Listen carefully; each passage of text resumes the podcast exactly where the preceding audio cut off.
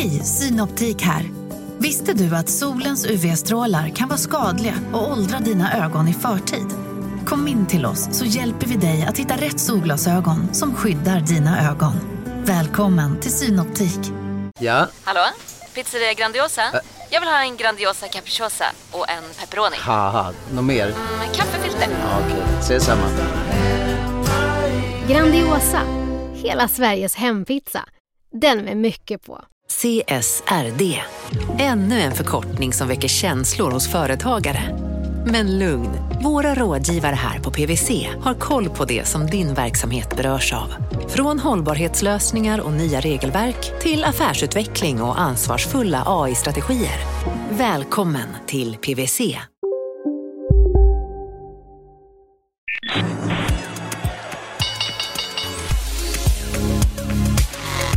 Här är Marknaden med Helene Rothstein.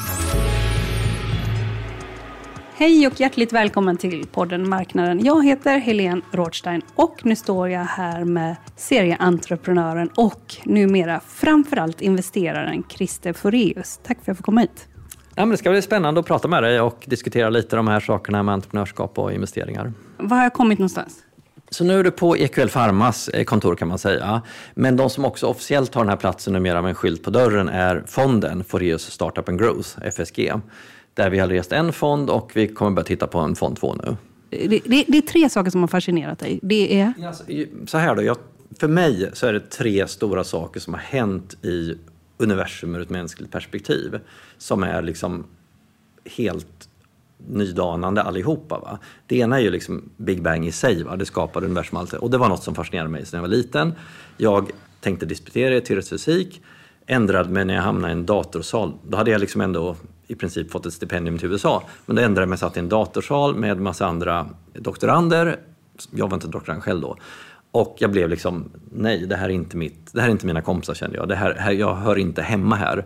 Och då sökte jag in på läkarlinjen istället, eh, släkten är läkare kan man säga. Och då kom vi till nummer två som är liksom en fantastisk sak som har hänt i universum och det är liksom hjärnans, eh, nervsystemets utveckling. Att, att vi som, en, som levande organismer nu har, bildar, och inte bara vi, det gör ju allt från rundmaskar uppåt, liksom, det här nervsystemen bildar en förståelse av sin omgivning, börja agera i sin omgivning, börja modellera sin omgivning, börja predikera sin omgivning.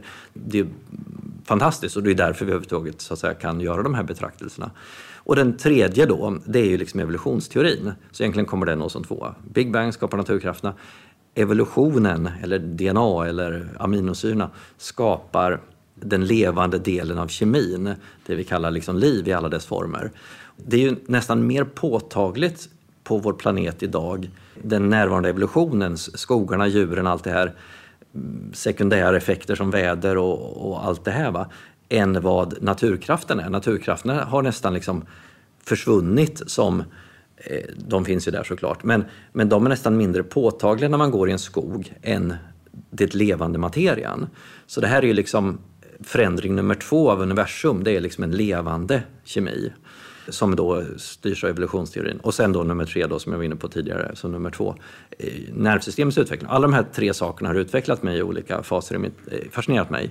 Och nu är jag fortfarande fascinerad av nervsystemet och av evolutionen. Så då, det håller jag på med som hobbyprojekt kan man säga.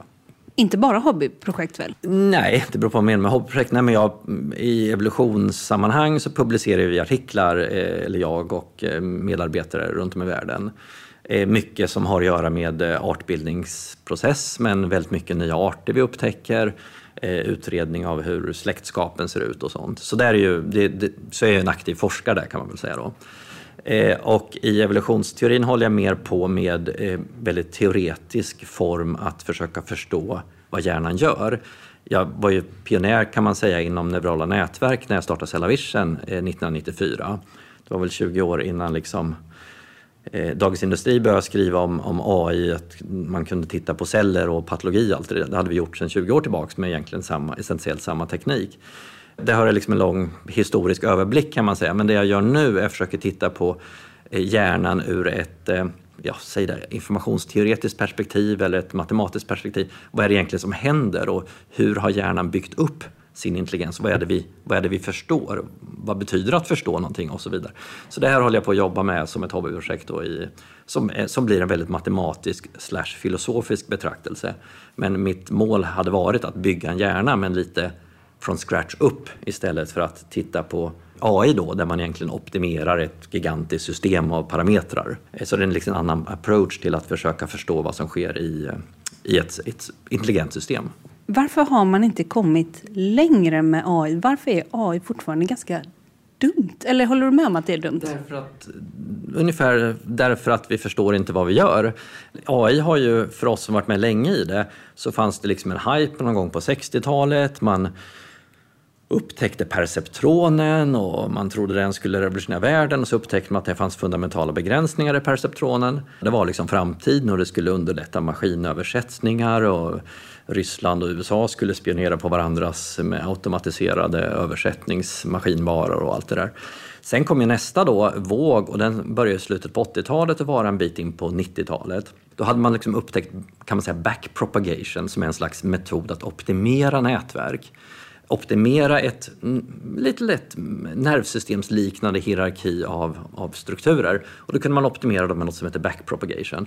Och det skapade liksom en hypevåg och så trodde man att det här skulle lösa alla världens problem. Eh, och den varade ju då några år, den blev aldrig så stor i media, men den, den förekom i media även då, men den var stor i teknikvärlden, alla skulle hålla på med AI. Eller vad man då kallar neurala nätverk. Sen kom man inte så långt. Sen upptäckte man att det fanns fundamentala problem som vi inte kunde angripa. Det var ju redan då försökte folk göra såna här liksom sjukhussystem som skulle förstå alla sjukdomar och allt det som man pratar om idag, det pratar man också om i mitten på 90-talet i princip. Sen då kom nästa våg då, jag vet inte när den började, 2015 kanske eller något sånt. Och det, då hade det hänt faktiskt ett par intressanta saker. Eh, så egentligen, först hade man perceptronen, sen gjorde man en enda uppfinning och det var egentligen backpropagation det skapar nästa våg. Sen upptäckte man att man kunde göra jättedjupa nätverk. Det är därför man pratar om deep neural networks. Mm. Och djupa nätverk är egentligen att man kan göra väldigt många nivåer i dem. Och man lärde sig optimera väldigt många nivåer. Och skälet till det var egentligen att man övergick till en ny slags eh, funktion som modellerar ett neuron, som man kallar rectilinear. Det är egentligen en platt linje som sen går rakt upp.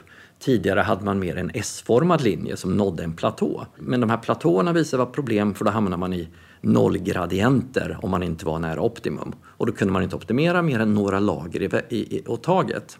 Så Cellavisions första maskin, då var det två, tre lager i det nätverket när vi byggde Cellavision för 25 år sedan eller vad det var, eller snart 30 år sedan. Eh, men nu kan man ha då 16 lager eller 32 lager. Man kan ha otroligt många lager och då slipper människan göra preprocessing som man kallar det. Då slipper människan extrahera databitar som man föder in i det neurala nätverket. Då kan istället neurala nätverket själv hitta vilka är de intressanta bitarna i den här rådatan jag trycker in i neurala nätverket. Så det har blivit lättare nu att göra en neural nätverkstillämpning med de här djupa nätverken för då kan de själva hitta intressant information. Framförallt inom vision då har det här varit väldigt framgångsrikt. Så det är egentligen den eh, våg vi har varit i nu. Men det är fortfarande så att nu har vi, säg att vi har, jag brukar säga att, säg att vi har hittat tre stycken uppfinningar som nervsystemet har haft liksom 500 miljoner år på sig att, att, att evolutionera fram. Det finns sannolikt 5 till 10 till som är lika avgörande, som vi inte har upptäckt ännu och som vi inte tillämpar ännu. Och det gör att de här nätverken, om du frågar mig, egentligen är otroligt korkade, förutom på den lilla rymd där de är tränade. Men den rymden är aldrig vad vi uppfattar som ett verkligt liv där vi vandrar omkring och interagerar med liksom okänd, innan vi har hamnat där, okända eh, skeender, individer, personer, eh, materia. Det, där har vi inga smarta nätverk idag, de är, de är urdumma då allihopa. Nu finns det några sådana här nätverk som har blivit bra på att prata med folk. För det var ett sådant gammalt test. Hur länge, hur länge kan en maskin lura mig att den inte är en människa? Och nu har de blivit bättre på det. Men de är fortfarande då, om du frågar mig, dumma. Men de kan imitera vissa saker väldigt väl. Nu nämnde du Cellavision. Mm. Eh, och du är grundare av Cellavision. Du är också tredje största ägare. Först är det ett eh, danskt investmentbolag. De är också stora i Novo Nordisk. Jag är den största fysiker. Men... Eh, du, du, är den största fysiska av, ja, kött och blod. av kött och blod. Och sen så är det Martin Gren och Joel Eklund som tillsammans har ett bolag som heter Grenlunden. Och sen så kommer du på tredje plats då i Cellavision nu börjar vi prata om AI och sen så kommer vi in på Cellavision. Och Mm. då tänkte jag bara att vi ska säga lite vad Cellavision gör för någonting. Mm. Jag var på Bull Diagnostics och fick se när de analyserade blod Mm. genom Cellavisions verktyg. Då kom det upp på en stor skärm. Mm. Och så kunde man kategorisera vad som var fel och vad som var bra. Och, vad som, eh, och detta är skillnad då mot att kolla i mikroskop. För då är man också beroende av den mänskliga blicken på ett helt annat sätt. Har jag fattat? Nej men så kan man säga. Så att egentligen det vi kallar liksom blod, när man gör ett blodprov på folk, och det gör man ju då otroligt många gånger, nästan alltid när man kommer till en vårdinrättning så tar man ett blodprov för, att, för det säger massa saker, eller kan säga massa saker, så man vill se att det inte finns något tydligt där. Och eh, då finns det maskiner som kallas vi kan säga fempartsdiffar eller trepartsdiffar. Boll eh, håller på med en fempartsdiff nu, har tidigare en trepartsdiff till exempel, för att nämna ett svenskt bolag. Eh, de använder kan man säga, indirekta mätningar för att gissa sig till ganska bra om det här var en lymfocyt, eller en basofil eller en neutrofil. Okej, de olika fem klassiska typerna. Men de gör det här väldigt indirekt, så de är inte så, så bra på detta. Så ungefär 20 procent av casen, säg 10-20 procent, måste gå vidare till manuell inspektion. Då måste en människa titta i ett mikroskop på ett utstryck man har lagt på blod. Och det är egentligen det då Cellavision ersätter. Så då är det en mikroskop fortfarande med en kamera på mikroskopet. Det är en motor som flyttar runt eh, det här objektglaset, själva glaset med blod på och tar en sabla massa bilder och analyserar då alla de här bilderna och hittar de här vita blodcellerna och preklassificerar dem som det heter på FDA-språk. Alltså lägger upp dem på en skärm och säger det här var basofiler, det här var neutrofil. Sen kan människan då klicka OK eller byta klass på någon av dem. Och det här gör det ju väldigt smidigt för då har du dokumenterat de här cellerna. Om du stirrat i ett mikroskop, hittat en cell och satt en, en etta då i en kolumn för basofiler på ett papper vid sidan om eller på en räknesticka. Sen kan du aldrig hitta den cellen igen. Den är borta liksom. För det är oerhört svårt att hitta tillbaks på mikroskop för det är så små grejer man tittar på. Va? Så att här har du liksom dokumentation, du, har liksom, du kan gå tillbaka och kika, du kan skicka det till andra experter, du kan jämföra med patienten när den kommer in senare. Det är helt enkelt väldigt mycket trevligare. Nackdelarna var, eh, när de första försökte med detta en gång i tiden, att automatisera mikroskop, att bilderna var inte tillräckligt bra och analysen var för dålig. Men det var det vi löste kan man säga med Cellavision en gång i tiden. Vad skulle man kunna göra mer inom AI och blodanalys som man inte kan idag? Ja, det är egentligen eh, något för Cellavisions affärsutvecklingsteam då att eh, fundera på. Men rent allmänt kan man säga att det finns väldigt många olika frågeställningar som man kan se i, i blod. Vi, patologi och cytologi har länge då tittat på kroppsvätskor och försökt förstå hur de här förhåller sig till sjukdomar. Man kan ha brist på platelets, såna här blodplättar som koagulerar blodet. Man kan ha fel form på dessa. Det finns liksom egentligen en, en rad av, säg, uppåt hundra olika tillstånd som man potentiellt kan se i blod. Och ett av sakerna som Cellavision gör då är vilka av de här är tillräckligt vanliga eller tillräckligt svåra och tillräckligt viktiga för att vi ska utveckla en specialiserad mjukvara som gör just det. Till exempel titta på de röda blodcellerna istället. Eh, vilken form de har, vilken, vilken eh, fraktion av, av nya och gamla de har och så vidare. Det finns många, många frågeställningar kring just röda blodceller. Så att det är väl vad Cellavision gör. Då. Jag vill inte peka ut en enskild analys, men rent allmänt så tittar vi då bland annat på det. Eh, vilka mer analyser borde vi automatisera i blod, blodanalys? De andra frågeställningarna som Cellavision rent allmänt håller på med idag, det är ju liksom titta på, okej, okay, finns det några områden utanför blod som är lämpliga för Cellavision? Inom cytologi till exempel, eller rent av inom patologi på ett eller annat sätt. Och cytologi, då kan man till exempel, eh, som vi redan gör idag, cerebrospinalvätska, alltså ryggmärgsvätska, så kan man titta på celler som finns där. Man kan titta på pap livmodertappsutstryck, det brukar man kalla cytologi. Eh, så cytologi kan man säga när cellerna liksom flyter omkring lite separat från varandra. Om, om det blir patologi då är det mer att man har snittat genom en vävnad. Flera celler tjockt snitt kan man säga. Då är det patologi skulle jag vilja säga. Du sålde av lite grann här mm. i augusti. Mm. Eller lite var det ju inte. Det var 106 miljoner. Varför gjorde du det? Jag, har, jag driver ju nu en fond eh, som heter Fourier Startup and Growth där jag har committat 150 miljoner. Och det, var, eh, det är helt enkelt pengar jag behöver i den fonden.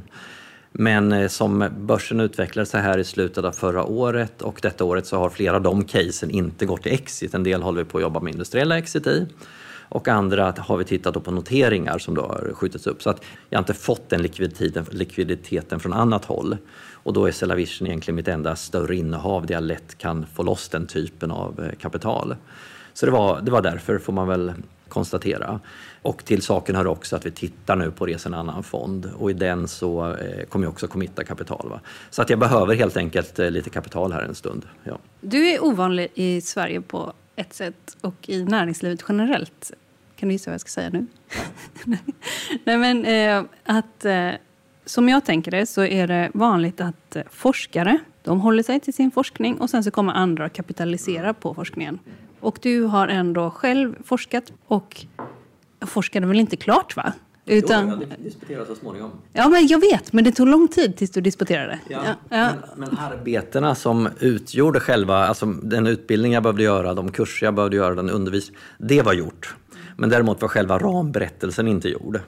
Den sköt jag upp eh, i typ 20 år. Ja, 2019, något sånt. Mm.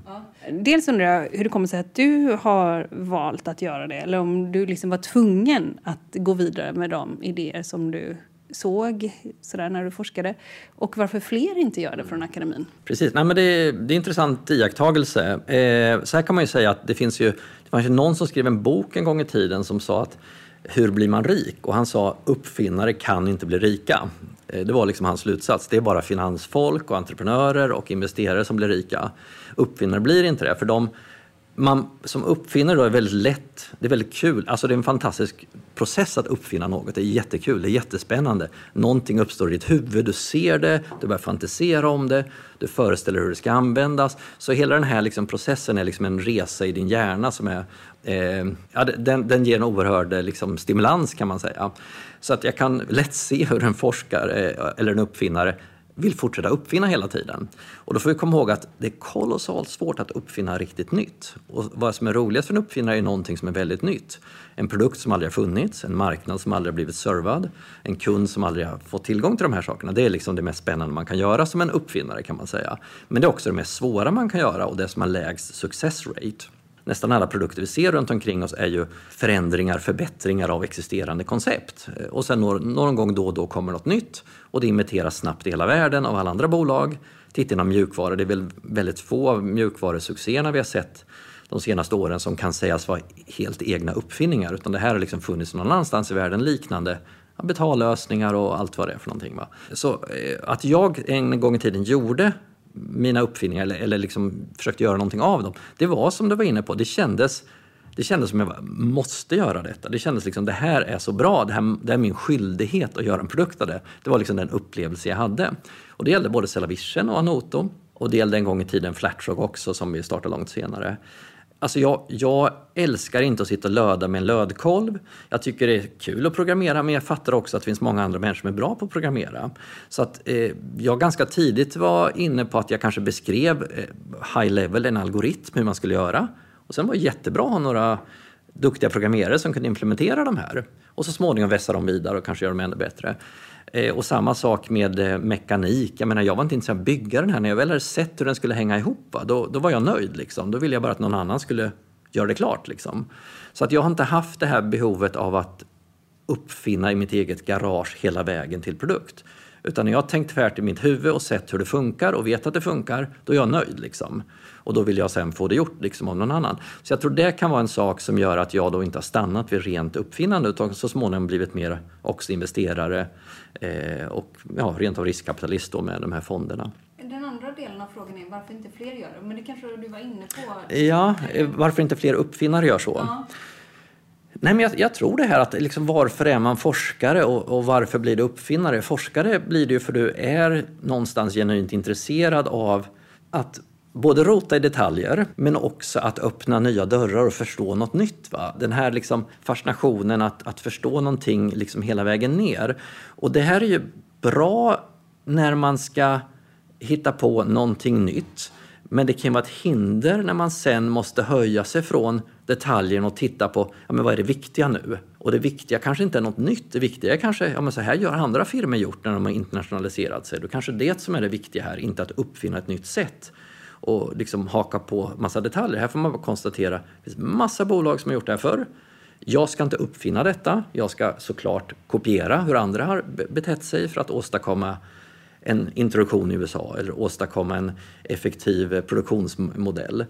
Och det kanske finns en liten konflikt mellan detta, mellan uppfinnare då, forskare, och att sen någonstans take a leap of faith, hoppa ut och säga nej men nu får jag lita på andra här och säga att nu finns det experter här. Va?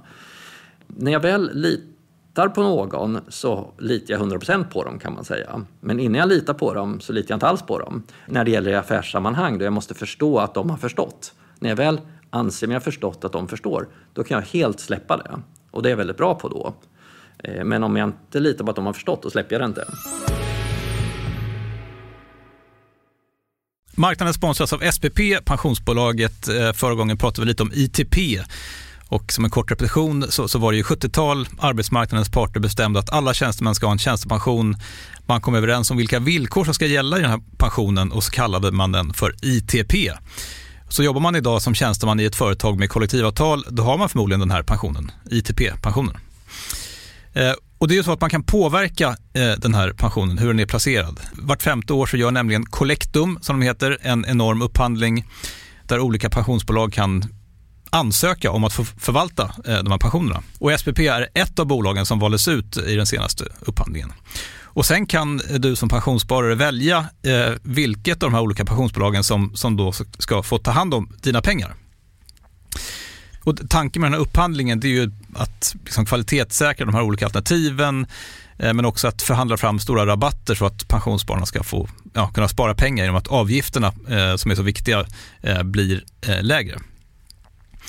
Och vill man välja någonting i ITP-systemet då finns det en relativt ny sajt som heter avtalat.se. Ehm, där kan man gå in och se hur sin ITP-pension är placerad. Jag gjorde det häromdagen faktiskt. Ehm, idén är att hälften av pengarna alltid ligger i något som kallas för traditionell försäkring. Det här gjorde vi ett avsnitt om i podden Kapitalet nyligen eh, som vi kallade världens bästa sparform. kan man lyssna på om man är intresserad.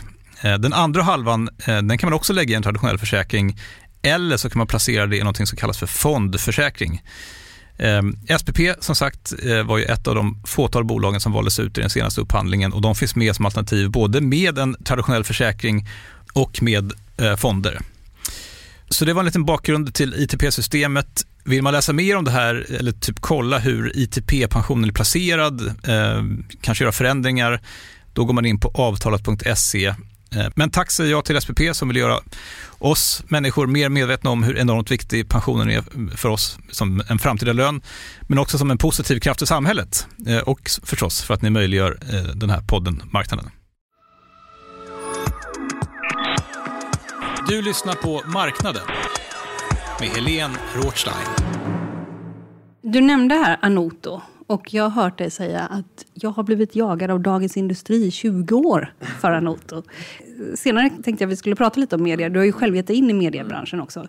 Men eh, har du känt dig förföljd av Dagens Industri till exempel? Eller vad, vad har du tagit med dig? Eh, och, och ska vi säga bara Anoto vad det var för någonting? Så Anoto startade jag då eh, 19, kan det vara? 96 kanske, två år, två år efter Cellavision. Och så var jag VD på både Cellavision och Anoto i några år och sen fick vi in då externa VD på Cellavision, Yvonne Mårtensson och jag fortsatte på Anoto till 2003 kanske, något sånt. Och det var ett bolag som eh, första idén var då att egentligen använda en miniatyrvideokamera inbyggt i en penna för att läsa text, alltså att skanna text med en penna, ungefär som en elektronisk överstrykningspenna, där du hade lagrat detta. Eh, och sen utvecklade vi vidare och konstaterade att vi kan även liksom skanna ett koordinatsystem och veta vad vi är och rita samtidigt. Så, så blev den digitala pennan där vi egentligen då kunde rita vad vi ville på en gigantisk, nästan osynlig tvådimensionell streckkod. Vi kunde skicka det vi ritade till vem vi ville, vi kunde kolla det mot en server och se vad som hände. Så egentligen de här 2D-koderna vi har på, på restaurangbord idag, man klickar på allt det där, hade vi och patenterade sådana system för 20 år sedan egentligen. Eh, men mycket mer generella egentligen, mycket, mycket elegantare om du frågar mig. Eh, men Det, det bolaget eh, blev ju hypat och håsat och vi fick massa stora investerare. Vi fick Ericsson och vi fick Logitech och vi fick Maxell, Blackrock, världens största fond. Och eh, vi fick en börsvärde då på en miljard dollar, eh, eller precis innan vi börsintroducerades, eh, våren 2000 på någon First North-liknande börs. Och sen introducerades vi på finbörsen då, eller main, main market, till värderingen 5,5 miljard. Och då hade vi 400 ingenjörer, vi hade utvecklat en otrolig teknologi, med egna ASICar, eh, och vi sålde pennor med Ericsson och med Nokia och med Logitech. Så allting såg ju liksom trevligt ut om en digital penna hade en plats hos konsumenten. Och det var ju det vi trodde och det vi tyckte. Men det var där det visade sig att det behovet är inte så starkt som, som alla de här investerarna, inklusive mig själv, trodde på den tiden. Du, du är inte lika beroende av dina anteckningar Eh, så tillvida att du verkligen måste ha dem lagrade digitalt, att du måste kunna dela dem med andra. Utan det är, det är ett kladdblock och du kanske inte går tillbaka speciellt ofta och kikar där. Och gör du det så går det fint med pappret, du behöver inte ha det i datorn snyggt och prydligt. Så det är inte som en mobiltelefon, vilket vi hoppades att alla människor, precis som man hade en, något man kunde prata till vem som helst, skulle man ha en penna man kunde skriva till vem som helst. Ni räknar inte riktigt med pennornas död, så att säga? Nej, så kan man också säga. Det är ett, ett, nytt sätt att se på det, att pennorna överhuvudtaget inte är eh, viktiga längre. Men det, de är ju för sig hyfsat viktiga fortfarande, men kanske inte lika som de var. Utan eh, det var mera det att pennan och pappret var inte så viktigt att det, det, extra jobb det innebär att ha en digital penna var värt besväret, så kan man säga. Och då hade vi 400 ingenjörer som kostar 400 miljoner om året att liksom föda, som utvecklar den här infrastrukturen och utvecklar de här pennorna. Och det var ju liksom ganska jobbigt att göra en börsintroduktion och eh, ja, konsumera 300 miljoner om året. Och det gjorde vi vad vi kunde då för att försöka hitta nya affärsmöjligheter. Vi började med formulär, försökte göra det. Men hur som helst, man kan säga, den långa, den korta, långa storyn kort är ju att det här aldrig flög. Vi fick inte ordning på detta, trots intäkter på ett par hundra miljoner om året med hög marginal. Och jag slutade väl där någonstans 2003. Eh, först som vd till ordförande och sen från ordförande till eh, ute ut ur bolaget kan man säga. och sålde alla aktier. Men 20 år senare så fick jag fortfarande då ganska sura artiklar i DI där, där de aldrig skrev något positivt om Cellavision utan de passade på så fort de kunde associera mitt namn med negativa saker i Anot då. Men mitt namn var aldrig associerat med Cellavision. Och det störde mig rätt mycket att det var en sån att det var som bias i hur man rapporterade om mig i förhållande till de bolag jag startat. För Cellavision var ju ett framgångsrikt bolag eh, för ganska många år sedan. Eh, men även då när Cellavision var framgångsrikt så då nämndes inte mitt namn. Men så fort man pratar om Note eller Precise som då inte har gått bra så nämndes mitt namn och det, det irriterar mig när man läser på lite om dig så känns det tydligt att här har vi liksom serieentreprenörerna, serieentreprenör ja. Det är sju bolag in på börsen, du har startat och grundat jättemånga bolag och många är imponerade av det. Och sen så finns det en svans där som är liksom lite arg på dig fortfarande. Det måste du också känna till. Alltså, det är delvis en funktion av hur DI har porträtterat mig under de här åren som jag tycker har varit en felaktig porträttering. Ja, bara som ett exempel, hade man investerat liksom tusen spänn i alla bolag jag startat så hade man tjänat ganska mycket pengar. Men det är klart, startar man alla pengarna i Anoto så har man förlorat väldigt mycket pengar. Eh, så är det va. Men eh, vi måste ju tillåta att folk får misslyckas så länge det är utan ond uppsåt så att säga. Va? Och Anoto var verkligen en seriös satsning där vi fick in de bästa ingenjörerna, de bästa affärsutvecklarna. Vi signade upp världens största bolag vid den tiden inom våra branscher. Så att det var ju en, en skicklig satsning får man säga på någonting som var otroligt nydanande. Eh, men som jag sa tidigare i intervjun, det är ju kolossalt svårt att sätta nya koncept och nya produkter på marknaden.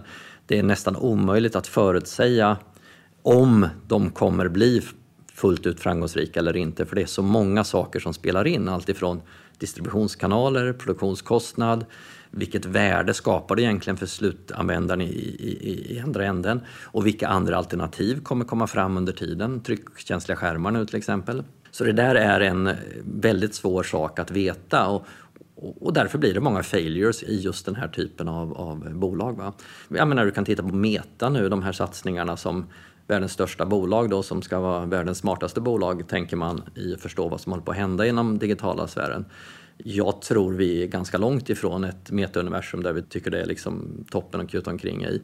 Gamingvärlden har lyckats med det, men gamingvärlden har lyckats med mycket annat också som ingen annan industri har lyckats med.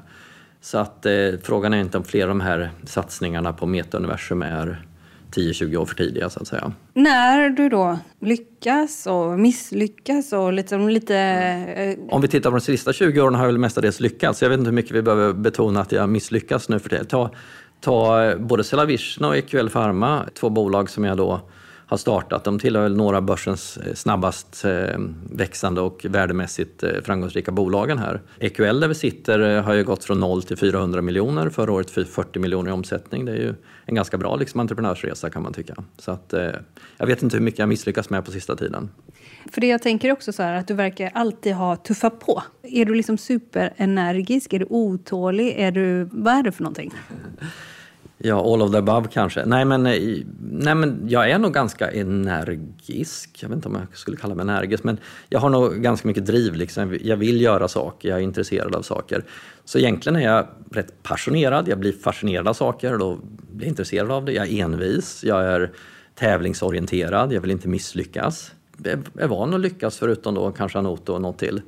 Eh, och vill lyckas och tycker det är kul att lyckas. Eh, men sen eh, Nej, men sen är jag då kolossalt nyfiken och det är ju lite farlig kombination då att bli intresserad av nya saker hela tiden. För då finns det nya saker att, att ägna sig åt, eh, vare sig, ja, forskningsmässigt eller kanske mer då i det här fallet eh, företagsmässigt. Så att jag har ju på det viset väldigt få investerare som har så brett, eh, brett investeringsområde som jag har, där man ändå går ner i detaljerna för att förstå saker och ting. Så att jag är både inom, väldigt mycket inom life science, nästan hela spektrat, och, men även inom tech då, nästan hela spektrat där också. Ni har en fond nu ja. och sen så eh, diskuterar ni om ni ska starta en ny fond. Ja. Vilka är med och investerar med dig just nu? Så i eh, första fonden så är jag halva fonden, så det är en stor del. Och sen är det ett antal privatpersoner egentligen, eh, mestadels, inklusive en del av entreprenörerna i Skåne, som är med och investerar där. Och i nästa fond så kommer jag ha en betydligt mindre del, det blir en större fond. Eh, men det kommer vara allt möjligt. Det kommer ju vara olika aktörer i liksom ekosystemet och som idag investerar i mindre fonder. Så att det, blir, eh, det blir en blandning. Men eh, vi har fått bra feedback eh, so far. Och kan vi säga några som du har investerat i och varför i den första fonden?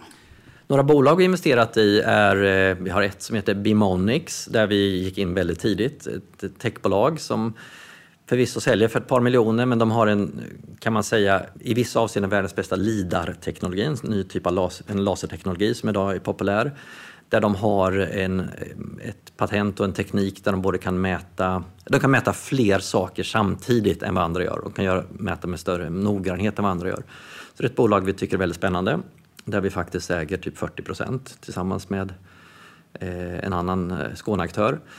Och sen har vi investerat i eh, något som heter eh, Melius Pharma som har tagit ett japanskt preparat för astma som vi tar till Europa nu och kör en klinisk studie för eh, idiopatisk pulmonary fibrosis hosta, kronisk hosta eh, som vi också tror mycket på. Vi anser oss förstå mechanism action där och, eh, ja, och då har vi liksom, vi har ingen toxikologirisk. Så rent allmänt när vi går in i life science vill vi att det ska vara klinisk fas. Och vi har inget emot och tycker det är ganska bra om, om toxikologieffekterna är, liksom är redan utredda. Så de är då kan man säga här för det har funnits i Japan. Ett annat case inom life science är Onkorema där vi tittar på eh, njurcellscancer. Och det kan man säga också toxologin är utredd, för det, det, låter lite märkligt, men det är alltså en spindelskivlingsgift som vi går in i klinik med där. Och det här spindelskivlingsgiftet har då människor då blivit förgiftade av åtskilliga gånger i historien. Och det som händer är att njurarna slås ut men övriga celler i kroppen klarar sig intakta. Så det är en otroligt selektiv substans och det är perfekt om man har cancer i njurarna för då slår man ut njurarna utan att ha toxikologi på övriga kroppen. Så då kan man säga också ha någon slags eh, låg risk för toxikologi och ganska stor eh, chans då för effekt eftersom vi har sett det från eh, förgiftningssituationer. Eh, vi har ett par andra case inom SAS, SAS-bolag, mjukvarubolag tycker vi är fantastiskt intressanta, många av dem fortfarande, där vi ser då, eh, de har ju den här affärsmodellen där man så att säga har en prenumeration på, på tjänsten många av dem har vuxit väldigt bra historiskt. Inte bara våra bolag då, men andra bolag. Så vi tycker det är en attraktiv nisch fortfarande som, som vi tittar på. Ja, vad har ni där för någonting? Ja, eh, det är ett bolag jag inte får berätta om ännu. Så att vi har precis investerat i ett. Vi har ett till sånt i och för sig som är tidigare fas som heter Nigen. Eh, som gör en ny typ av eh, DNA-mjukvara där man då kan, när man analyserar miljontals celler samtidigt i en DNA-sekvenserare så kan vi med, de algoritmer det bolaget tagit fram väldigt snabbt beräkna de olika kluster som finns i detta. Eh, Medan de gängse algoritmerna, det tar flera dagar på en superdator i princip att lösa problemet, så kan vi lösa det i en laptop, eller de kan lösa det i en laptop. Så det tycker vi är ett väldigt spännande bolag också, som har, kommer ha en SAS-modell för sin mjukvara. Brick är ett annat som ni har gått in i. Vad är det?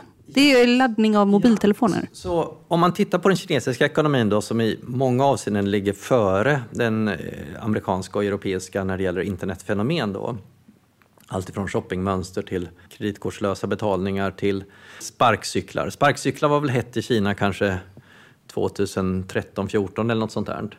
Och inga av de här bolagen blev egentligen någonsin lönsamma, så det var en ganska dålig affär och nu håller väl europe, européerna och amerikanerna på att upptäcka något liknande, att det är en ganska tufft, tuff marknad trots allt. Det som dock i Kina av delningsekonomi tog fart och som blev någonting, det var då delning av batterier. Typexemplet är du står på en bar på kvällen och du tänker vara där hela kvällen för du är ung och student eller av något annat skäl så tänker du hålla dig där.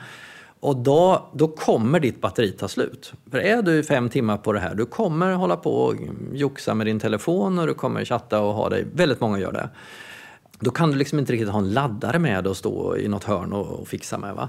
Så där är det då väldigt attraktivt om det finns en stack med batteripack som du bara tar ett och så kopplar du på det på baksidan av din telefon och så har du batteri. Och sen kan du lämna tillbaka där i samma bar eller något av de andra laddningsställena som finns i stan. Då.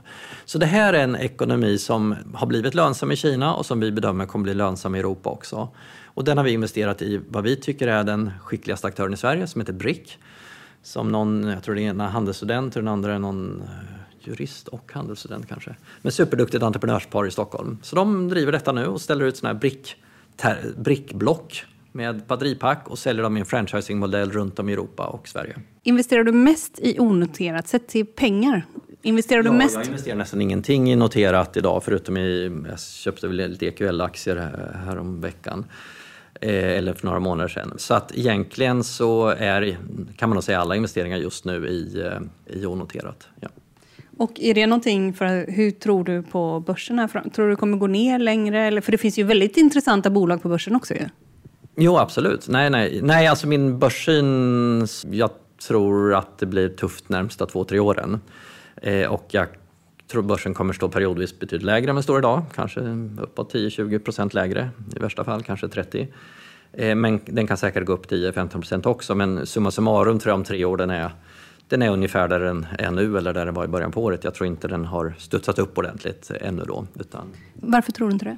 Jag tror de här, eh, alltså de, de kallar det bubblor då, eller de de liksom omotiverade värde, värdebalansräkningar som finns där ute de har liksom inte riktigt eh, täckning då. Det gäller både riskkapitalbolagen som nu har köpt mycket bolag för kanske P-tal 20 och så här, kanske mer. Och växer de så kan ju det gå bra. Växer de inte så blir det lite av en katastrof om man har räntor på en 4-5 procent. Och ännu mer på obligationsmarknaden.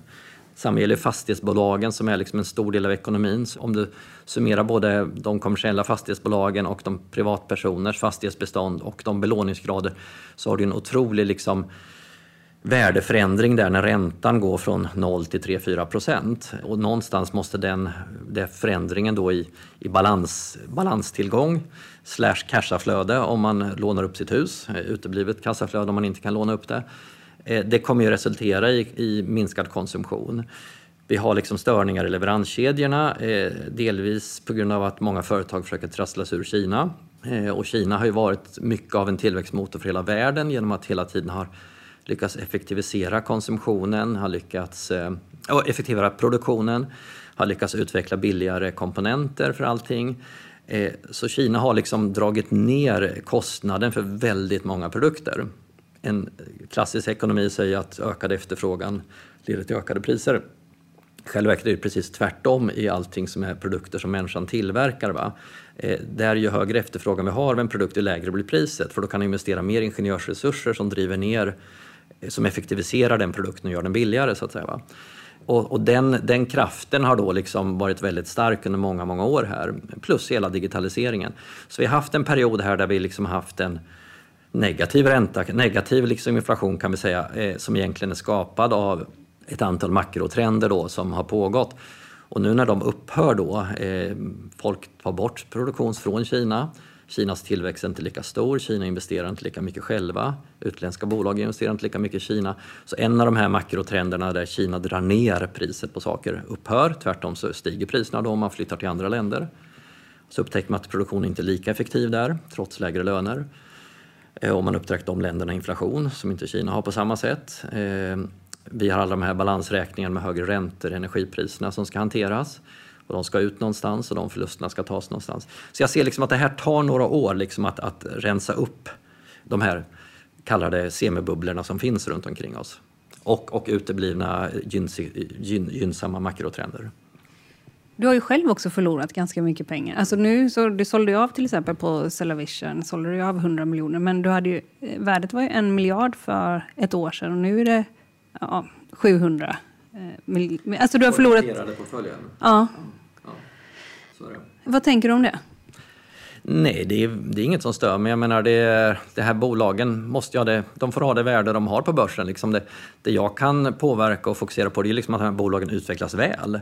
Att de har möjlighet att fortsätta växa, att de fortsätter att ha bra marginaler och sen kommer det alltid finnas hack i kurvan eh, för alla bolag. Men jag tror liksom att på det hela taget så finns det mm, goda möjligheter för, för både Cellavision och EQL att växa långsiktigt eh, på ett lönsamt sätt. Där EQL då har haft en väldigt hög tillväxt och fortsätter att ha det. Nej, det, det stör mig inte om, om liksom en börsportfölj går ner i pris eller värde som jag inte har några intentioner att sälja så att säga. Eh, utan eh, nej, sen har jag en stor onoterad portfölj och den jobbar jag vidare med. Och där blir man ju inte mätt på värdet dagligen på samma sätt som man blir på börsen. Så att, eh, nej, det, det stör mig inte. Vad har du för relation till pengar? Hur viktigt är pengar? Nu har du ju jättemycket pengar. Eller hur mycket pengar har du? Jag vet inte, men det är väl en bit norr om miljarden kanske om man räknar in det onoterade. Ja. Pengar är inget jätteproblem. Du håller svälten från dörren kan man ju säga. Men vad har du för relation till liksom, om det går ner 300 miljoner? Eller vad, liksom... Jag har ganska obesvärat eh, relation till pengar så tillvida att eh, det stör mig inte så mycket om eh, liksom, imaginära värden då, som i någon slags mening. Det är en börskurs. Om den förändras, det är ingenting som stör mig egentligen. Eh, det stör mig numera ganska mycket om bolag inte blir lönsamma. Liksom. Och, och, nu när vi investerar i fonden så är det ett annat läge. Tidigare investerade jag på min egen balansräkning, mina egna pengar i onoterat. Och då kan man investera i vad man vill, även sånt som man tycker är intressant, även om man inte ens tror att det är en bra affär. Men det kan man inte göra när man jobbar i en fond och andra investerare, utan då blir det mer då att, att vara bättre än alla andra i den här fonden. Då vill vi som fond visa att vi är duktiga. Och det gillar jag, det blir ganska rent eh, förhållningssätt och då är det liksom Investera gör man för att investeringen ska bli mer värd. Forska gör man för man tycker det är spännande eller man tycker det är viktigt. Men man ska inte blanda en investering och en, en forskning så att säga, som jag kanske ibland själv har gjort historiskt. För jag tyckte något var så spännande, så investerade jag där. Och när jag investerar i sådana bolag då kan man konstatera att ja, då sätter jag inte speciellt högt pris på mina egna pengar om jag vill att investera i något som jag inte är övertygad om blir en bra investering. Så så tillvida är jag väl ganska okänslig för att eh, förlora pengar på saker som jag tycker hade ett annat värde. Det var ett intressevärde eller ett forskningsvärde eller något annat värde. Då, då stör det mig inte så mycket. Nej. Ska vi säga kort vad EQL Pharma gör för någonting? Så EQL Pharma är ett eh, spotlightlistat bolag som eh, hade som kan man säga ursprunglig affärsidé att utveckla vad vi säger nischgenerika, nischpreparat. Vi vill alltså ta de eh, läkemedel på svenska marknaden som skapades av den gamla svenska läkemedelsindustrin som aldrig fick generisk konkurrens. En lång mening. Men, men vad det här betyder är att generika är ju någon slags kopior på, eller mm, lik, likaverkande som original. Och det gör vi. Men varje land i Europa som har haft en gammal läkemedelsindustri har också haft egna varianter på saker och ting. Egen variant på kaliumklorid, egen variant på magnesium, egen variant på penicillin och så vidare. Så alla de här unika varianterna i alla länder, de har varit små ur ett indiskt perspektiv eller kinesiskt perspektiv, så de stora generikabolagen har inte utvecklat kopior på detta. Och det är där vi då har tagit fram egna produkter, utvecklat egna produkter för att då bli konkurrera med de här små originalen som har funnits i Sverige. Och ett litet original kanske omsätter mellan 5 och 20 miljoner per år i Sverige. Men kommer fortsätta göra så i 30-50 år till.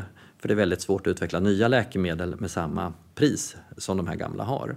Så att det har vi ägnat oss åt och nu har vi även en del lite mer originalliknande produkter i portföljen. Så att man kan säga idag att vi jobbar mer med nischläkemedel överhuvudtaget. Recepten till generika, mm alltså vad, hur, hur, går det till? Eh, borde man veta det? Jag vet verkligen inte det. Nej, men det är det här som är det, eh, lite halvunikt i Sverige, Danmark eh, och en del andra länder försöker sig på detta. USA har ett delvis liknande system. Men det är då att teorin att det ska vara som en börs. Eh, så att det billigaste preparatet som har exakt samma funktion som alla andra preparat i den klassen, det är det du ska få när du går till apotek. Så apoteken då, de får lister varje månad där de säger att det här preparatet nu är det billigaste preparatet för, KV-penin, eh, för eh, fenoximetylpenicillin. Vad den står på ditt recept, så länge substansen är fenoximetylpenicillin, 1 gram 30 pack, då får du den billigaste kartongen som säljer just det oberoende om det står Teva på det eller om det står Meda på det eller det står något annat brandname på det. Och det är då idén bakom detta att det, utbyts, det sker ett utbyte på apoteksnivå till det billigaste i, i respektive kategori. Och det gör ju att då finns det en väldigt effektiv mekanism och då kan vi räkna på vilka preparat som det lönar sig för oss att plocka fram. Vi vet hur stor marknaden är, vet vad den kostar på marknaden, vi kan räkna ut om det lönar sig för oss att utveckla ett eget preparat och sälja i det systemet där det sker då en konkurrens varje månad med andra aktörer. Då är alla ingredienser kring det här preparatet det är ute på marknaden. Mm. Så vem som helst kan ju också göra det? Ja och nej. Så kan man säga att egentligen så det här receptet består egentligen av två saker. Det består av vad man kallar en API, en aktiv farmaceutisk ingrediens, en aktiv pharmaceutical ingredient. Så den är det som har effekten i ditt blod, i din kropp. Eh, till exempel liksom ett gram kalium som du tar, kaliumjon då, som du tar för brist på kalium. Så det är det som har, har en verkan i din kropp. Sen kan man säga att det går inte att äta eller dricka rent kalium, det måste kapslas in. Och då pratar man om excipienter som håller ihop den här till en tablett eller som bildar pellets i en, i en kapsel och så vidare. Så att en tablett är ett lite mer komplicerat recept än bara den här substansen. Men så länge substansen är samma så räknar grovt förenklat läkemedelsbolaget det här som samma produkt. Den, den är biekvalent, den är medicinskt likvärdig. Sen finns det då specialfall att man har en tablett som ska utsöndras väldigt långsamt. Då pratar man om slow release eller modified release, alltså den ska lösas upp i din mage på ett väldigt långsamt sätt eller i din tarm. Och då måste ju vi, om vi utvecklar en likadan produkt, se till att våran har samma utlösningsprofil, att våran har samma sätt frisätta sin aktiva substans så att den matchar det här originalet som vi då vill bli utbytbara mot. Så eh, man kan inte säga att recepten finns klara. Vi måste, ändå, vi måste utveckla detta och forska fram rätt blandning för att matcha det. Det enda som är klart är då att den substansen som är aktiv och att patentet är borta. Det är, två, det är de två sakerna vi, vi vet så att säga. Det görs ju inte här ser jag ju. Var görs detta? Ja, faktiskt överallt. Det görs i Europa på flera sajter där vi använder då så kallade CROer eller CDMOer och det är då en Contract Development, någon som utvecklar. Manufacturing Organization, en CDMO. De både utvecklar vår produkt mot vår spes och tillverkar den åt oss när den väl är utvecklad. Och sådana har vi i Europa som vi jobbar mot, vi har sådana i Indien vi jobbar mot, Indonesien och Kina. Vad finns det för risk med att hålla på med mycket generika när det kommer till människokroppen? Ja, inga som helst skulle jag säga. Alltså det är inte, generika tror jag inte har någon högre grad av förgiftningar än eh, originaltabletter. Jag har aldrig sett någon sån statistik. Eh, så att jag ser inga risker alls med det här utan det här är ju ett sätt för eh, sjukvården att eh, när ett väldigt dyrt preparat som kanske kostar 1000 kronor för 10, 10 tabletter. När de patenten går ut va, så sjunker priset kanske till 3 kronor per tablett istället. Och det innebär att för de som stod på den behandlingen så istället för en årskostnad på kanske 100 000 så går årskostnaden ner på 5 000. Och den besparingen kan ju då sjukvården använda till att köpa nya läkemedel som har forskats fram. Så det här är ett sätt att se till att, eh, att vi får fler tillgängliga läkemedel och att eh, dyra preparat ersätts av billiga så småningom när patenten har gått ut. Så att säga. Drömmen hos ett forskande läkemedelsbolag är att generika är förbjudet. Det innehåller en självmotsägelse, nämligen eh, det bygger på teorin att samhället är villigt att betala mer och mer varje år för läkemedlen. För att om du ska ha 1000 kronor för de som var 20 år gamla och ska du sätta nya på marknaden som kostar 1000 kronor, då stiger den här kostnadskurvan väldigt snabbt upp för läkemedel. Men genom att de gamla preparaten kan, kan komma ner till nästan noll kostnad så har samhället råd att plocka in nya. Så att på något vis så gynnas både originalbolag och generikabolag av att den här balansen existerar. Du är största ägare här, du har en tredjedel tror jag, 30 procent. Ungefär, ja. Varför? Ja, för jag grundade bolaget och sen så konstaterade jag att det här var till skillnad från en del uppfinningsbolag som jag startat så var det här mycket lättare att räkna på business caset. Här var det ju eh, det är väldigt svårt att veta hur snabbt eh, jag menar vi fattade snabbt att kunderna älskar den här maskinen men hur snabbt kan vi sälja den, hur snabbt kan vi distribuera den här i världen, hur snabbt kan vi hitta en försäljningskanal som fungerar. Det är saker som då ja, innehåller stor osäkerhet och som garanterat tar många år innan man uppnår lönsamhet. I detta bolag såg jag att här finns en möjlighet att få lönsamhet ganska tidigt och att varje investering vi gör kan vi räkna på ganska exakt och få reda på vad får vi för avkastning på den här investeringen. Så jag gillade liksom den predicerbarheten som egentligen omfattar de flesta existerande affärer. Jag menar, på eh, Husqvarna och Ericsson och andra ställen som gör fysiska produkter så har de en ganska god uppfattning om deras produkter de utvecklar, vilken marknad de ska säljas till, hur stor den marknaden är och vilka marginaler de får. Den fördelen har man inte när man, upp, när man gör nya uppfinningar. Men den har man till exempel i läkemedelsbranschen med väldigt konstanta då, försäljningstal i generika. Nya läkemedel är en annan sak, då är marknaden lite mer osäker för det kan komma konkurrenter som tar den. Och utvecklingstiden och kostnaden är väldigt osäker. Och huruvida man någonsin blir klar är väldigt osäkert eftersom det finns så många fallgropar på vägen. Så att jag gillade förutsägbarheten i EQL Pharma. Det här då att man ska eh, växa EQL Pharma, hur ska ni göra det? Så EQL Pharma som vi kommunicerat här sedan länge, våra primära tillväxtdimensioner är ju då fortsatt här att vi tar fram fler preparat. Vi alltså inlicensierar eller utvecklar fler läkemedel. Idag har vi runt 50 om man räknar in både de på marknaden, 20 och de under utveckling 30-35. Eh, sen eh, så gör vi också en geografisk expansion undan för undan. Vi kommer in i fler länder. Vi utlicensierar till exempel Melosan nu till stora delar av de europeiska länderna, vårt, vårt sömntablett, eh, melatonintablett för ADHD-barn. Eh, vi har fler preparat som kommer ut i Europa som är utlicensierade till olika partners. Så en geografisk expansion är det andra. Och det tredje är att vi kommer även göra mindre förvärv under resans gång. Dock tänker vi oss i första hand att förvärv är icke utspädande, alltså vi ska kunna göra dem med den kassan vi har, med den lönsamhet vi har. Så det kommer ett slags kompletteringsförvärv. Men kan också vara plattformsförvärv.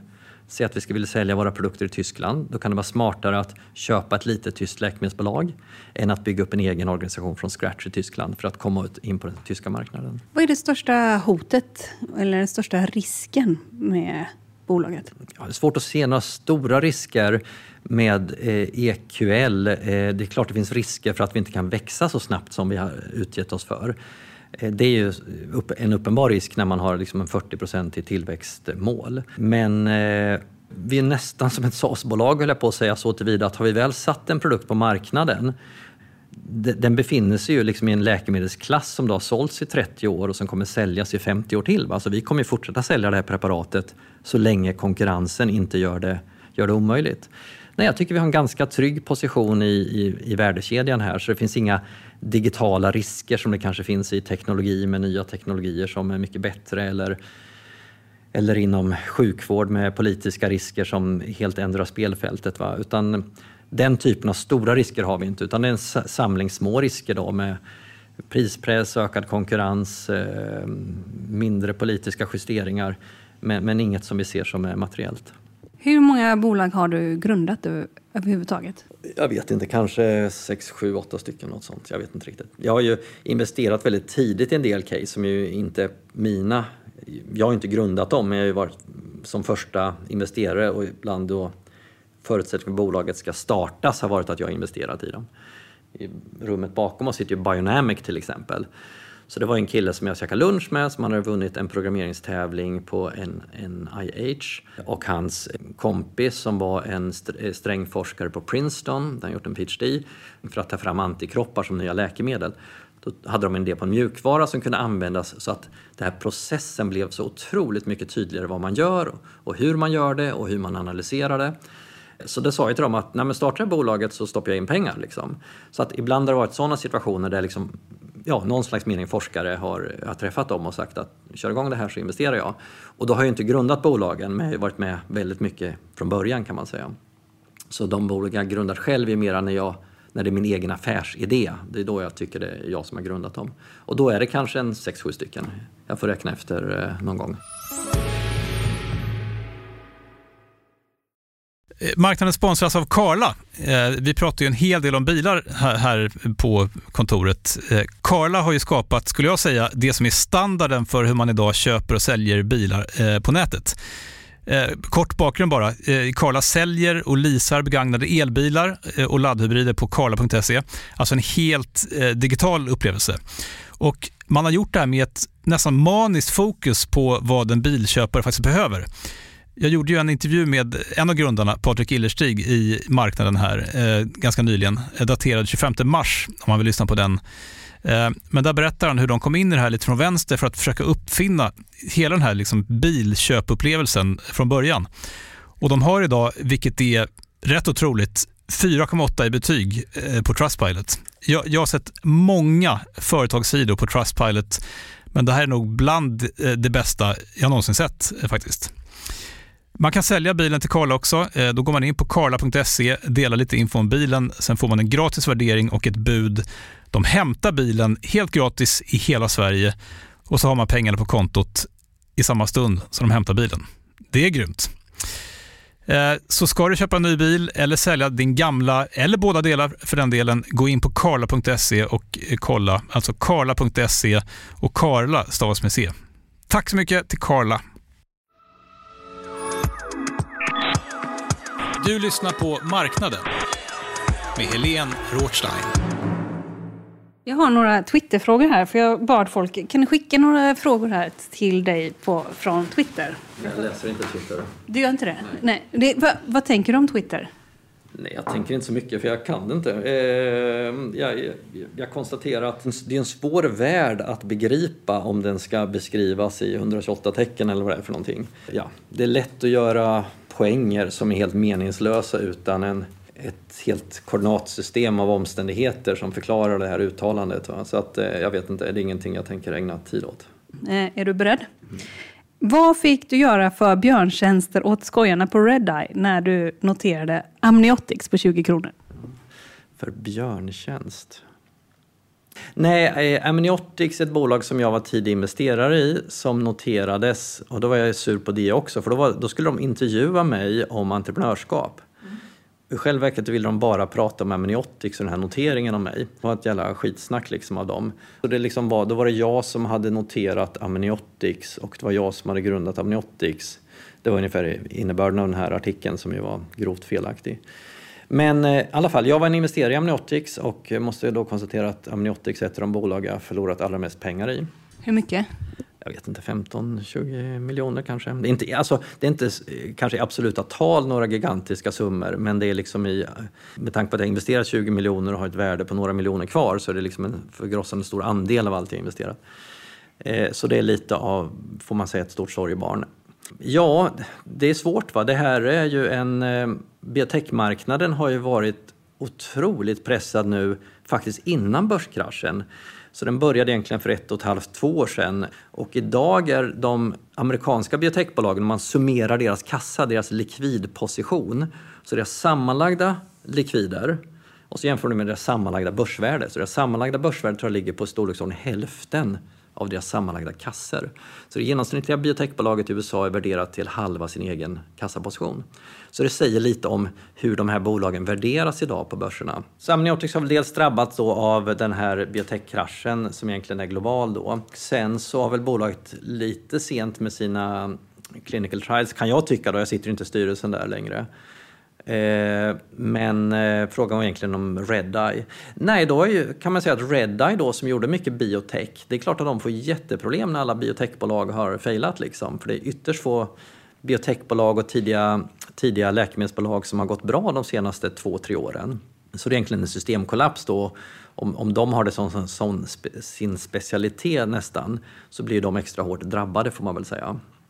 En annan fråga. Vad ser du som de största trenderna inom medtech och healthcare just nu? Så medtech, det är ju, får man nog säga, digitalisering och AI som är stora trender där. Där man har mycket wearables, eh, till exempel för hjärtmonitorering, för stroke-monitorering.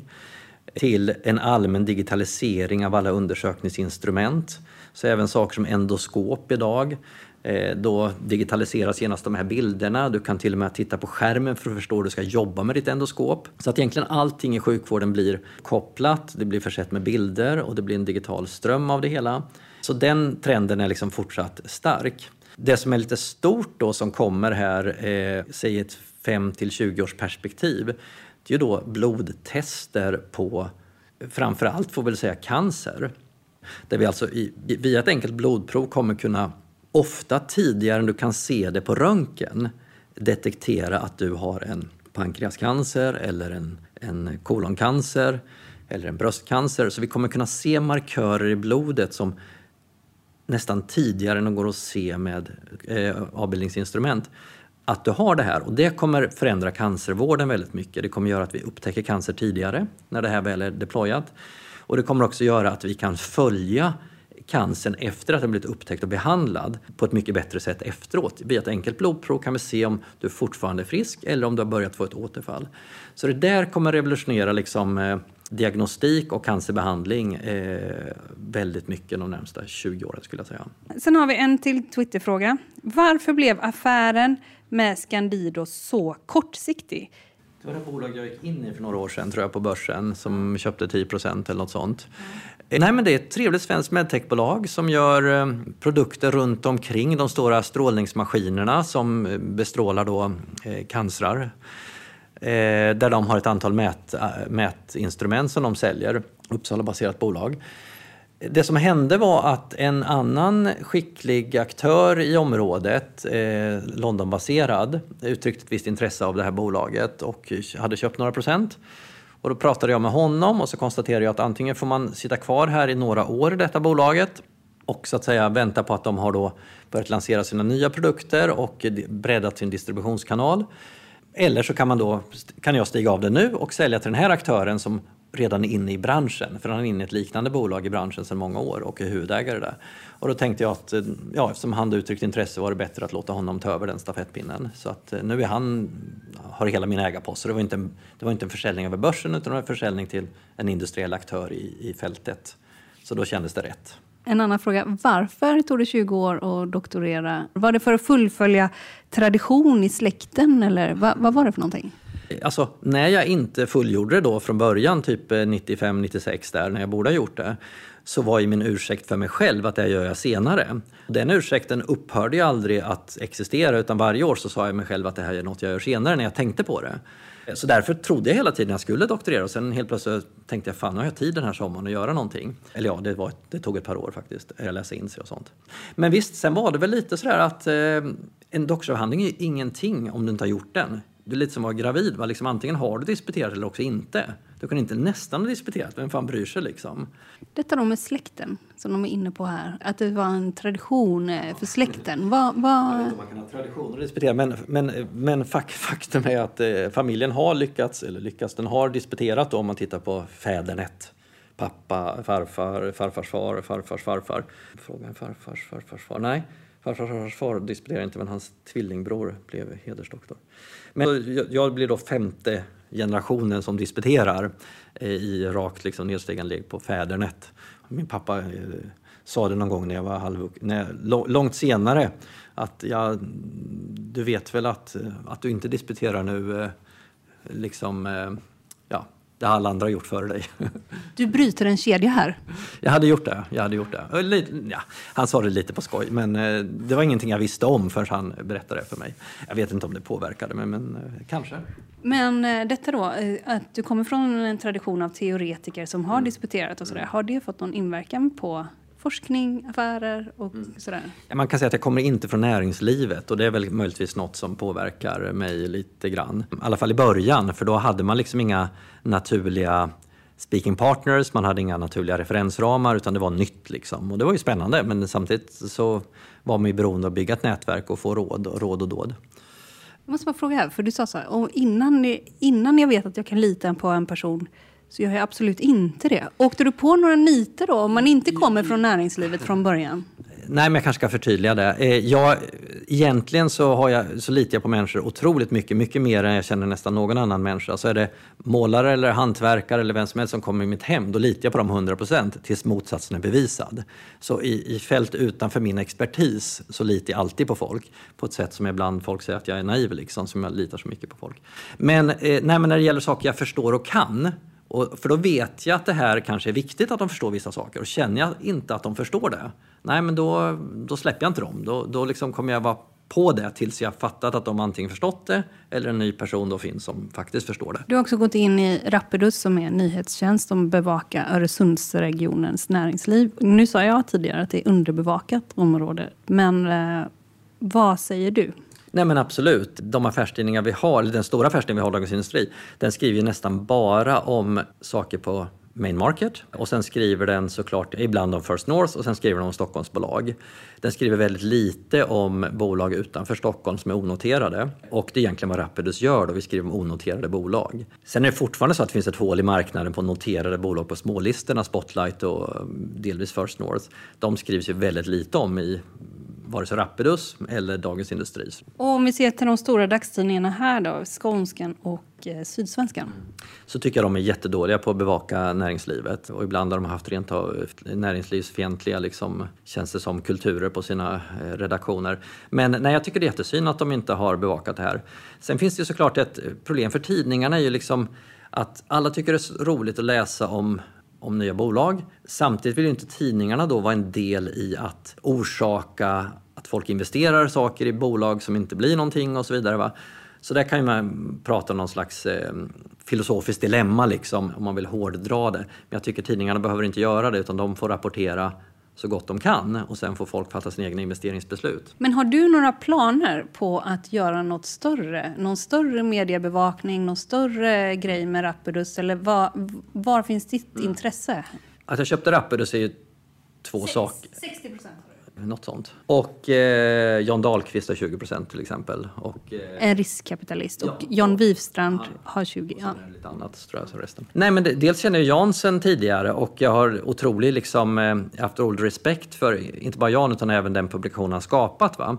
Som jag kan tycka är i sitt format lite ålderdomlig som var nyskapad en gång i tiden.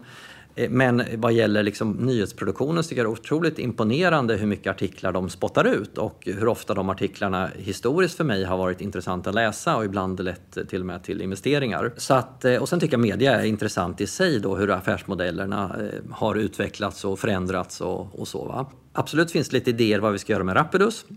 De får vi berätta om när vi ska berätta om dem så att säga. Va? Men det finns idéer på att man kan säga någon form av geografisk breddning, någon form av kanske ökad penetration i, i de regioner vi bevakar och kanske liksom även titta på lite nya format så att säga. Va?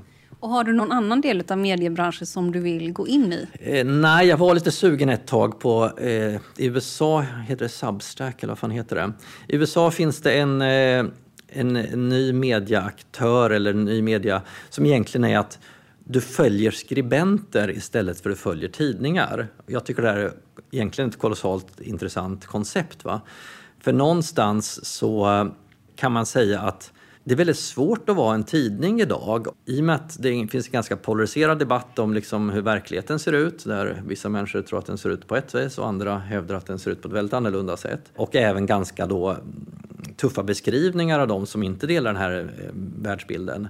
Det är en väldigt, skulle jag säga, i flera dimensioner eh, extrem situation vi har i i åsiktsvästvärlden. Eh, och det gör ju att som tidning då, om hur ska du bete dig?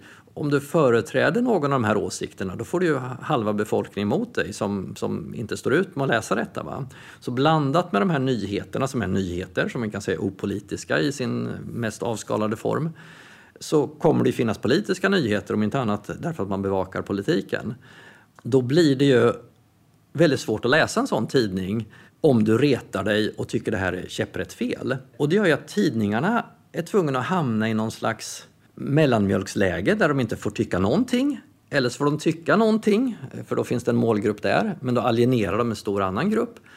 det är väldigt svårt att vara intressant och säga något tydligt utan att få stora motståndsgrupper emot dig. Det blir man ju av med helt och hållet om läsaren får välja sina skribenter. Då kan han välja en intressant skribent som vågar sticka ut nosen och vågar säga något lite mer radikalt. De som inte gillar det, de kommer naturligtvis inte prenumerera på den här skribenten. Så då har vi inte något problem med att den skribenten kan skriva vad den faktiskt tycker. Men annars när skribenten då inskränkningar var den än finns på en traditionell tidning att skriva saker eller beskriva saker. Så jag ser det egentligen som en utvidgning av medias möjlighet att vara en kanal för åsikter, nyheter, eh, vinklingar. Den ökar egentligen i takt med att man slipper paketera alltihopa i en enda maträtt. För då måste den maträtten passa tillräckligt många och då blir det av med väldigt mycket av de intressanta nischer som existerar. Så dels är det filosofiskt intressant, dels tror jag det liksom makes commercial sense. Va? Jag, menar, jag kanske tycker om tre skribenter i en tidning som jag tycker skriver fantastiska reportage. Det är de jag vill läsa. Jag vill inte läsa resten. Så varför inte prenumerera bara på dem? Så det konceptet tycker jag är spännande. Det är ganska intressant för en stor del eh, också av de som skriver, de kan ju också vara frilansare och de har ju inte alltid jätte bra villkor. Men jag tänker också den här trenden har också funnits, eh, man kallar Swish-journalister. Det har ju varit eh, Lamotte till exempel, en känd, eh, ganska kontroversiell eh, person. Mm. Som folk har ifrågasatt, är det här journalistik eller vad är det här för någonting egentligen? Alltså när man har swishat en enskild person. Det är ju lite av samma trend ändå man ser i USA, även om det ena är då från företagshåll, eller?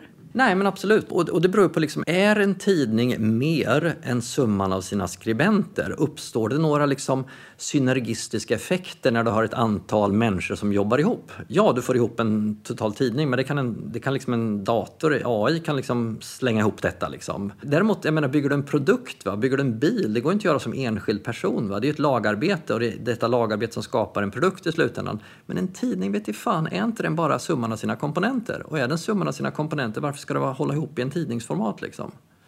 Ja, ibland så säger man så här lite i vissa börsforum så är det ungefär ja, något sådär förhoppningsbolag i Lund.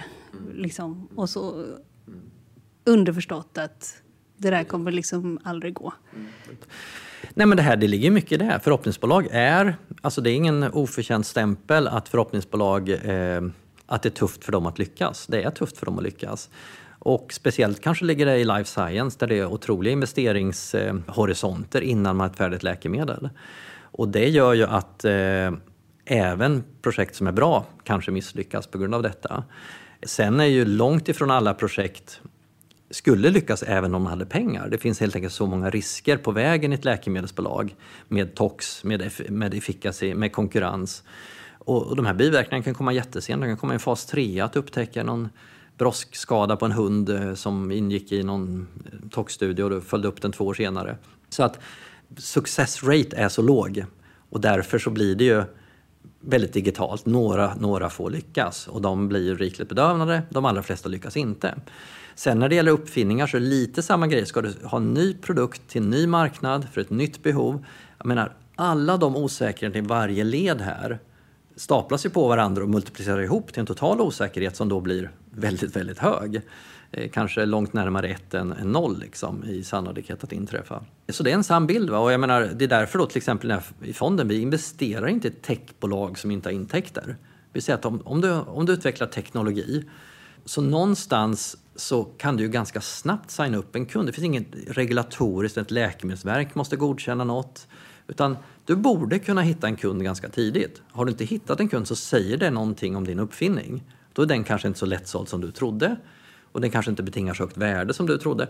Så jag rör mig bort från de här så kallade förhoppningsbolagen i någon slags mening när jag investerar nu för tiden.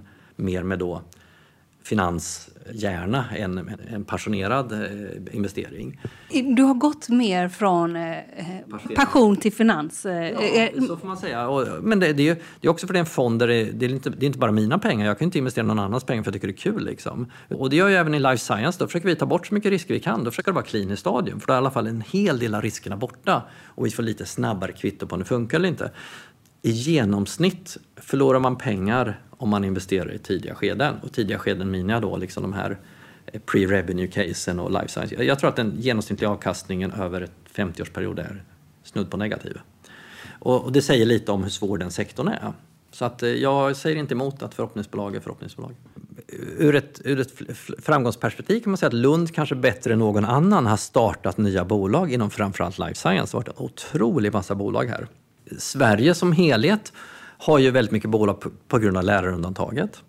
Det att forskaren äger sin uppfinning, så är det ju nästan ingen annanstans på planeten på Berkeley eller Stanford äger ju universiteten din forskning och du kanske har några få procent av din, ditt patent och din uppfinning. Men det går ganska bra där? Ja, jag vet inte hur man mäter att det går ganska bra. De har ju skapat några kolossala framgångshistorier eh, som är helt, helt enorma. Va? Så att jag skulle säga att det, att det går bra där beror på att du har ett koncentrat av riktigt skickliga forskare slash entreprenörer. Och sen har du skickligt riskkapital. Och om något i Skåne kan man säga vad vi har här är att vi har väldigt mycket bolag och egentligen väldigt lite riskkap organiserat riskkapital. I Stockholm har du massor av tech-riskkapitalbolag och där massor av tech-investerare som har tjänat hundratals miljoner på olika exitar i, i Klarna och iSettle och allt vad de heter där uppe. Eh, de är ju idag egna investerare och är skickliga på det. Så det ekosystemet är väldigt väl served av investerare. I Skåne har vi väldigt få, vi har egentligen ingen större fond inom tech här. Vi blir den största egentligen om vi sätter upp vår nästa här. Hur stor blir den då? Ja, någonstans kring en miljard. Eh, så Skåne är lite unikt så att vi har kanske fler bolag per capita. Delvis för att vi är eh, Nordens största universitet med en stor life science-del. Stort tekniskt universitet också, eller teknisk högskola. Eh, delvis för att vi har ett väldigt skickligt innovationssystem från Lunds universitet som då varje år skapar en 10-15 nya bolag för universitetsforskning. Väldigt framgångsrikt. De har vuxit sin balansräkning från 20-30 miljoner till 300 miljoner, så de har gjort det bra. Men de går in kolossalt tidigt då. Eh, och sen har vi ganska lite riskkapital, får man säga, ganska långt från Stockholm. Så fördelen är att värderingarna är lägre i Skåne och det är ett av de sakerna vi som fond då försöker liksom utnyttja, om man får säga så. Nej, men det är ett av, ett av sakerna som vi gillar här nere, att, att det är mindre trångt bland investerarna. Nu är det lågkonjunktur, så nu är det liksom Ännu glesare. Ännu glesare kan man säga. Och, och det här är ibland saker som jag har kritiserat. Jag har sagt att liksom, om vi satsar liksom 50 miljoner om året på att hjälpa småbolag att starta bolag men vi stoppar inte in några pengar i dem, vad får vi då? Vi får en jävla massa bolag utan pengar. Och om de här uppfinnarna inte själva kan skriva en affärsplan och inte själva kan bilda ett bolag och inte själva kan hitta en enda investerare, är det verkligen en entreprenör som kommer lyckas? Eller hade det varit bra för dem att liksom paddla genom lite kallt vatten själva en stund och se vilka som klarar den simturen? Och de kanske är värda att satsa på. Så att någonstans hjälper man alla att starta bolag baserat på den bästa idén som råkar finnas i den personens huvud, då kommer ju väldigt få av de här bolagen bli någonting. Och då har vi skapat ett ganska stort problem när alla de här bolagen söker pengar. Så att någonstans så gäller det att hitta en vettig balans mellan att, att starta mycket bolag, ja, men är det då av karaktären förhoppningsbolag så måste man inse att de här har enormt stort kapitalbehov framför sig innan de blir lönsamma. Och hur ska det gå till? Och jag tror vi kommer se därför rätt mycket konkurser de närmaste åren. Eh, och vi kommer se väldigt många bolag som går ner i en slags virtuell dvala liksom, där de har en halv person som jobbar på bolaget och ingenting mer och sen försöker de överleva på börsen utan handel på frimärksaktienivå. Liksom. Det är väldigt många nyemissioner nu inom life science. Ja. Därför att de här bolagen förbrukar ju sin kassa varje år. Liksom. Och sen behöver de en ny emission nästa år. Och så håller det på tills de gör ett genombrott i någon clinic trial eller i en förhandling och får en deal med ett stort läkemedelsbolag. Som de flesta aldrig får. Så det är, det är en tuff bransch helt enkelt att, att investera i. Och det är en tuff bransch för bolagen då att hela tiden behöva nya pengar. Eh, du har grundat jättemånga bolag, du har tagit väldigt många bolag till börsen också. Vad är liksom ditt mål? Eller när är du klar? Nej, men om man tittar på Cellavision då, som jag ägt nu i snart 30 år. Va? Det är egentligen eh, urtyp för hur jag skulle vilja att det vore.